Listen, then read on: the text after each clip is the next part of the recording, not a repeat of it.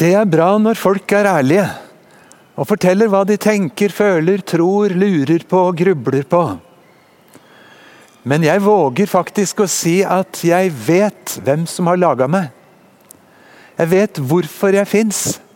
Jeg vet til og med hva Gud vil med livet mitt. Mitt utgangspunkt er ikke hva føler jeg, hva tenker jeg, men hva har Gud sagt? Bibelen er full av Guds egen versjon. Hvordan ble alt sammen til? Hva er prisen for et liv? Hva er prisen for mitt liv? Hva er mitt ansvar for de folka rundt meg? Nå gleder jeg meg til å ta deg med inn i Bibelen og få vise deg noen slike tekster. Og Vi skal begynne i Salme 8. Salmenes bok midt i Bibelen. Der er det som om David eh, Du ser nesten for deg hvordan han ligger i gress og stirrer opp på himmelen og på kanskje stjernene hvis det var kvelden. Og så sier han i Salme 8.: Når jeg ser din himmel, et verk av dine fingre, månen og stjernene som du har satt der, hva er da et menneske, at du husker på det? Og et menneskebarn, at du tar deg av det. Den følelsen har jeg hatt òg. Å tenke på det enorme universet som er helt uten en ende. For hvis det slutter, hva er det bak der igjen? Og så har jeg slått opp litt og funnet fram litt om hvor stort universet er. Og her må vi holde orden på alle nullene. For det finnes altså i verden noe sånn som 70 trilliarder stjerner. Da trenger du 22 nuller bak syveren. Hvis vi ser for oss bare vår egen sol, så er den over en million gang så stor som vår verden. Og du må tenne 150 000 stearinlys for å få så mye lys som det kommer bare fra så mye overflate på sola. Og sola, det er jo vår hovedstjerne som gir oss lys. Vi hører til i en galakse som heter Melkeveien. Den er så stor at det finnes 300 milliarder sånne stjerner. 300 milliarder i Melkeveien. Og Melkeveien det er bare én av kanskje 230 milliarder sånne galakser. Nå går tallene helt i surr for oss her. Prøv å skrive 7 med 22 nuller etter. Så aner vi litt om hvor stort det universet er. Og Forresten så har jeg sett at antallet stjerner som forskerne opererer med, det er ca. det samme som antallet sandkorn på hele kloden, inkludert hele Sahara. Alle sandkorn, hver sin stjerne. Og enda mer forbløffende Hvis du tar bare ett gram med kull, så lite at du nesten ikke ser det i hånda, og du spalter det opp til atomer, så er det også ca. like mange som disse stjernene. 70 trilliarder atomer i ett gram. Og så sier David Når jeg ser på det universet og tenker på at du har laga det, Gud, hva er da et lite menneske? At du skulle huske på oss og bry deg med oss. Og vi føler da blir vi veldig små. Men hvis vi følger David noen linjer videre i Salm 8, så snur det helt om. For da står det sånn Du satte ham lite lavere enn Gud. Og du kronet ham, altså mennesket, med herlighet og ære. Du gjorde ham til herre over dine henders verk. Alt la du under hans føtter. Og Så får vi høre hva som blir lagt under føttene våre. Småfe og storfe i samlet flokk de ville dyrene på marken, fuglene under himmelen, fisken i havet. Alt som ferdes på havets stier. Hørte du det? Vi som føler oss så små at vi spør hva blir et menneske i dette enorme universet? Vi får høre ifra Gud i Bibelen at Gud gjorde oss bare lite lavere enn Gud selv. Og så satte han oss til herskere på jorden til å råde over jorden. Og så la han alt som kryper og lever, under våre føtter. Dette står det om allerede på side 1 i Bibelen, i skapelsesberetningen. Der står det litt mer utførlig. om at Gud i himmelen, han skapte universet. Han skapte plantene, og så skapte han dyrene. Men så er det som om fortellingen stanser litt opp og sier høytidelig Da sa Gud. La oss lage mennesker i vårt bilde, sånn at de ligner på oss.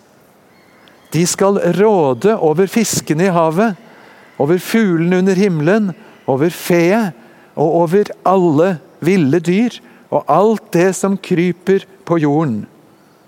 Og Gud skapte mennesket i sitt bilde. Til mann og kvinne skapte han dem. Gud gjorde det. Han hadde skapt universet, han hadde skapt plantene, han hadde skapt dyrene. Og nå kommer mennesket, og da løfter Gud fram sitt eget stempel og setter et menneskeverd på deg og meg. På mann og kvinne. Og så gjorde han oss til noe så stort som en slags visekonger på jorden. Og sa at vi skulle råde over, vi skulle stelle med, styre og forvalte denne verden. Det er ganske stort. Skal jeg få ta med enda en bibeltekst fra Salme 139? Der også er det David som grubler over hvor fantastisk Gud har skapt hver og en av oss, vi som er mennesker.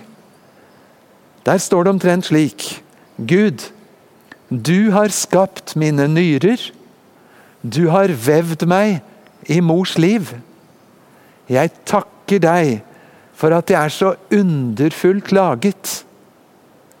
Knoklene mine var ikke skjult for deg da jeg ble laget på hemmelig vis, da jeg ble vevd dypt i jorden.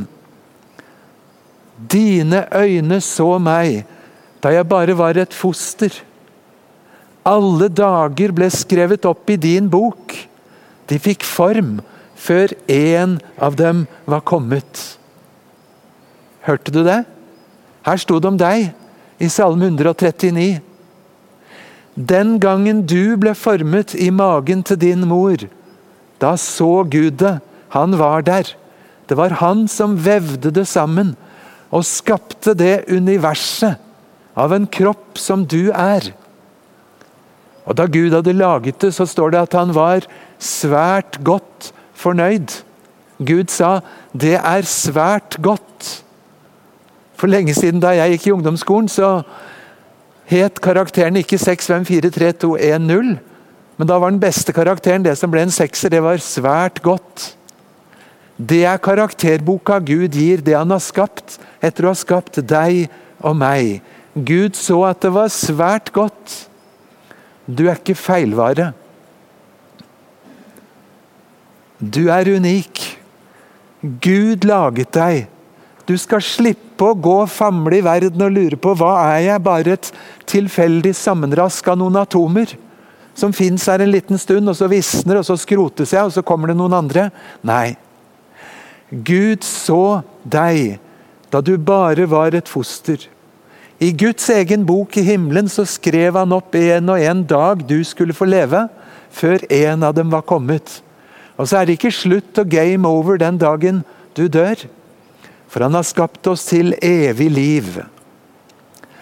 Jeg må få med en sånn fun fact til om kroppen vår som Gud skapte. Det sto her at du var der og laget nyrene mine.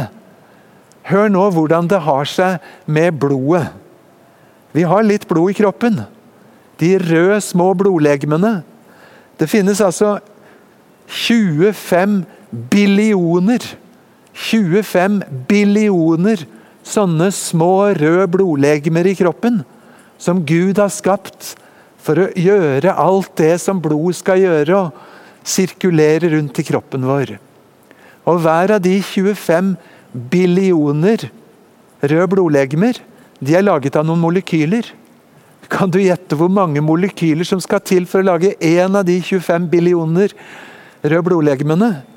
Etter det jeg har lest, så skal det 270 millioner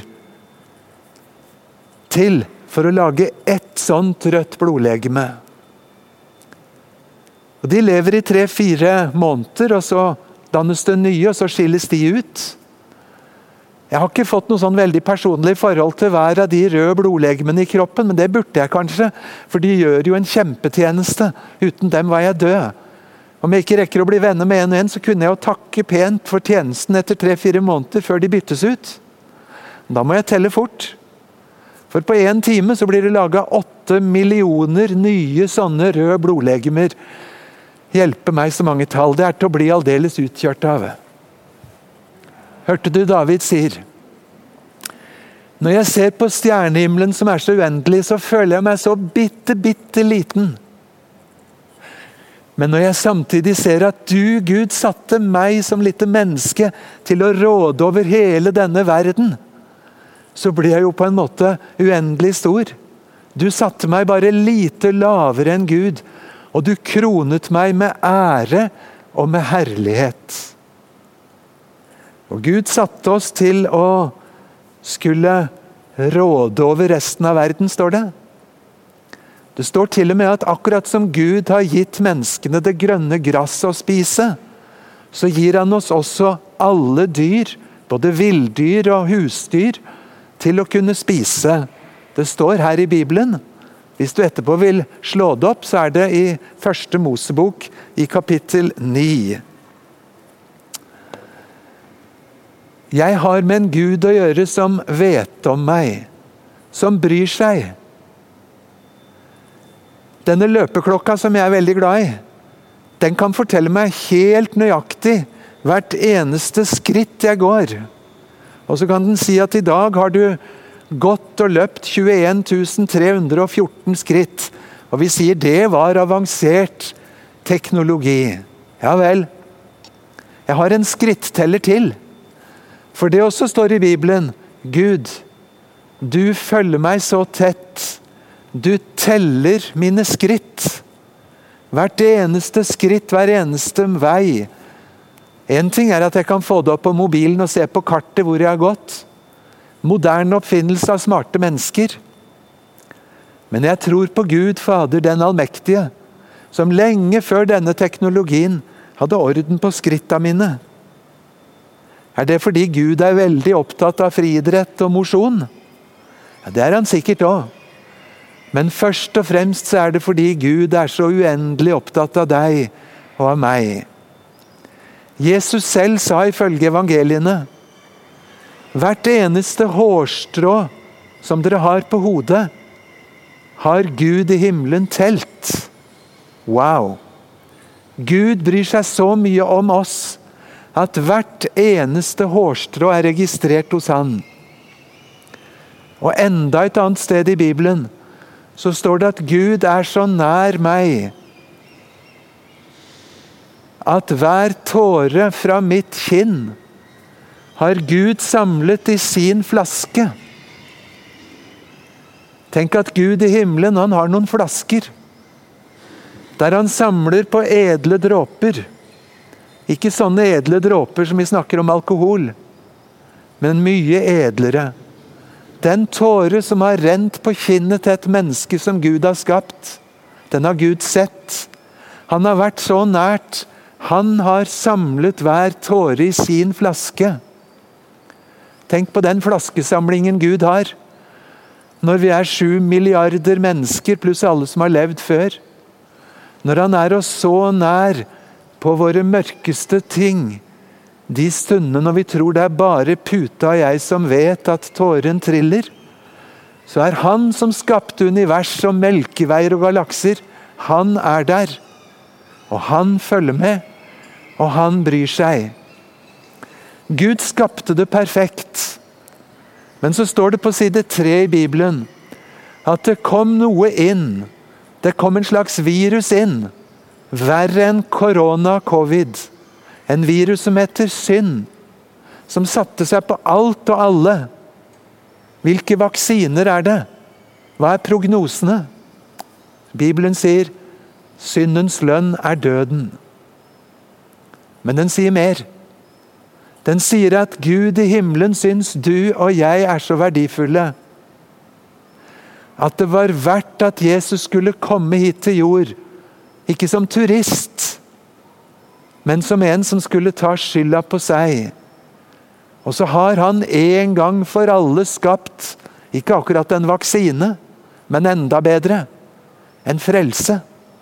Som gjør at om vi så dør, så skal vi likevel leve. Leve evig. Han vil dele evighet med deg. Du tenker om hvem du har lyst til å dele en hel weekend sammen med på en hyttetur. Gud skal ikke bare på en hyttetur en weekend. Han har tenkt å tilbringe hele evigheten sammen med deg.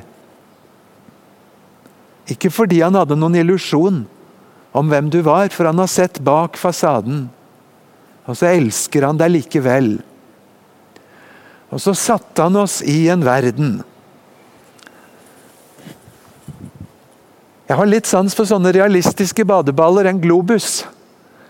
Da blir det liksom litt mer håndterlig størrelse på dette enorme universet. Jeg kan liksom få hele kloden i én hånd og se på den. Men så hørte jeg en pussig historie som jeg syns er litt morsom. Det skal ha skjedd i Bergen, og det kunne sikkert ha skjedd av mange andre steder. Men iallfall. En mann kom til en bokhandel i Bergen for å kjøpe en sånn globus. Og Bokhandleren viste ham de forskjellige globusene de hadde, og de var sikkert mye flottere enn min, som bare er en enkel badeball. Men han kunden var ikke helt fornøyd, så han, eh, han forlot butikken uten å kjøpe badeball, uten å kjøpe Globus. Og Så gikk han videre til neste bokhandel og tredje bokhandel, men ingen steder så fant han en sånn Globus han ville ha.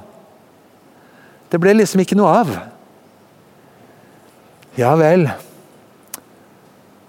Så da han begynte om igjen, kom til den første bokhandelen en gang til, og så er det helt sikkert du ikke har flere sånne globuser. Så sa bokhandleren sorry, vi har bare de jeg viste deg i stad. Men hvordan skulle den være, den globusen du vil ha? Jo, sa han, jeg tenkte jeg skulle ha en globus over Bergen. En globus over Bergen? Det må vel bli bare et kart over byen, det. Ikke en hel globus. Jeg syns den fortellingen egentlig er ganske, ganske god. For den treffer noe inni meg òg. Jeg vet ikke om jeg orker å skulle redde hele den store verden. Skal jeg ordne opp i alle problemer i klimaet for hele kloden? Det får være nok på mitt lille hjemmested. Og så gjemme bort globusen. Legge den bak meg og sette meg ned og slappe av og slippe å tenke på alt det der. Men med en gang jeg begynner å lese i Bibelen, så ser jeg Det står på side fire. Første gangen Gud snakker til en, en som het Kain, og sier Du, Kain, hvor er broren din?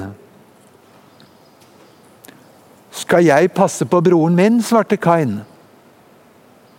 Og svaret er ja. Gud satte deg og meg ikke bare på et hjemsted med en globus over hjemstedet, men inn i en stor verden. Alt la du under hans føtter og sa vi skulle stelle med det, vi skulle forvalte det, vi skulle passe på det, ta hånd om det. Nå brukte jeg det der vanskelige ordet 'forvalte'. Hver gang jeg bruker det, så tenker jeg på en situasjon fra jeg var 18 år og akkurat hadde tatt lappen og begynt å kjøre bil. Jeg var ikke mye til sjåfør, egentlig, jeg var jo ganske fersk.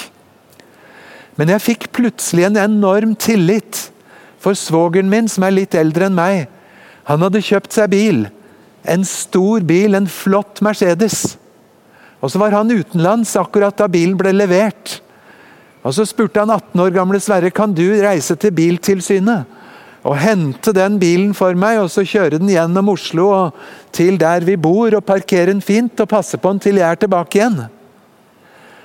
Og lille Sverre med ferskt sertifikat setter seg i en stor, fin Mercedes. Da var jeg en forvalter. Jeg var en som skulle få passe på noe som egentlig var altfor stort for lille meg. Og jeg kjente på et forvalteransvar. Nå må jeg passe godt på den. Det er det Gud sier. Du og jeg, vi har et sånt ansvar. Gud satte oss som visekonger på jorden. Stell pent med den. Stell godt med den. Gjør som Gud. Han som følger med ikke bare våre hårstrå og våre tårer, men som sier at det faller ikke én spurv til jorden utenom Gud. Gud ser, vet. Han bryr seg om den lille spurven.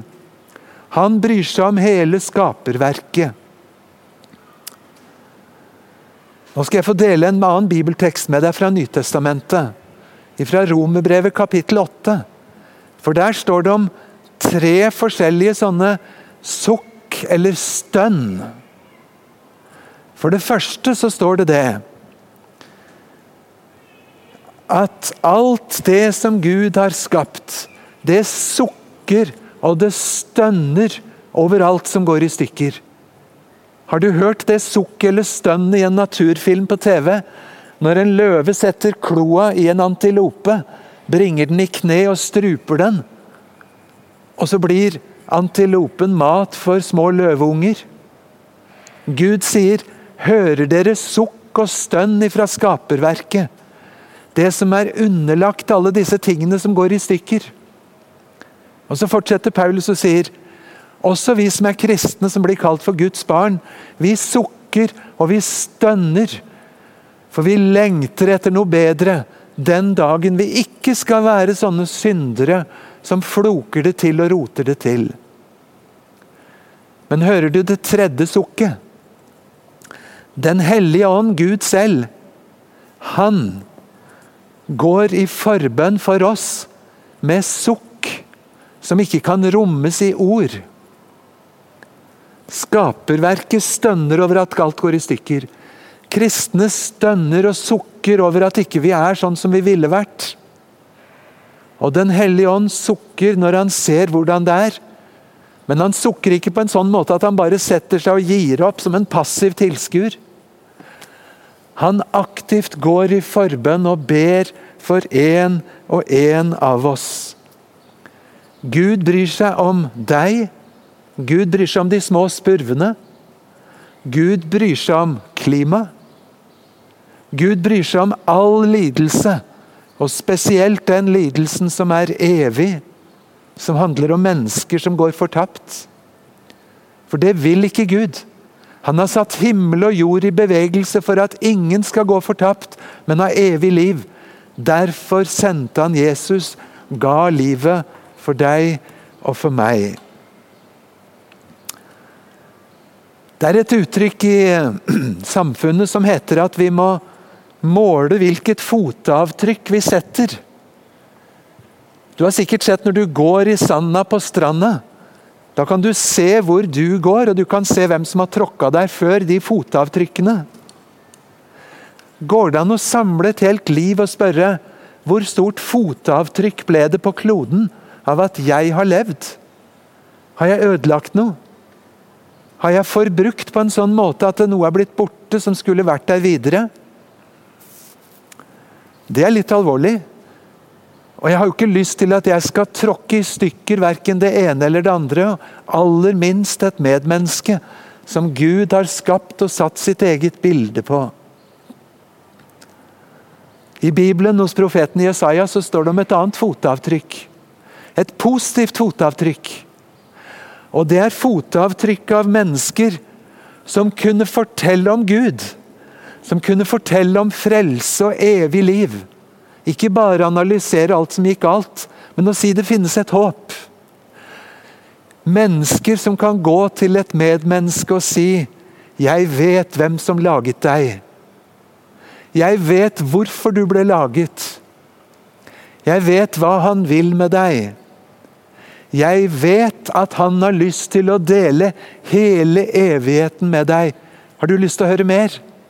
Bibelen er full proppfull av fortellingen om fotavtrykk fra profeter og apostler som kom til oss, også oss i Norge, og sa det finnes et håp, det finnes et frelse, det finnes en frelser. Og Så kaller han deg, og så kaller han meg, til å fortelle det og si det til flere. Det er mange som ikke vet. Hørte om en som ble en kristen da han gikk på ungdomsskolen. Han ble en kristen i løpet av sommerferien. Og så var han ikke typen til å liksom si så veldig mye. Så han tenkte hjelpe meg, hvordan skal jeg få sagt fra til de andre i klassen om at jeg er blitt en kristen? Og så fant han en plan. Og planen var som følger. Første skoledag, med en gang klasserommet åpna, skynda han seg inn. og Så tok han krittet og så skrev han med store bokstaver på tavla 'Jesus er veien, sannheten og livet'. Hilsen Torstein. Herlig. Sett i gang, du også.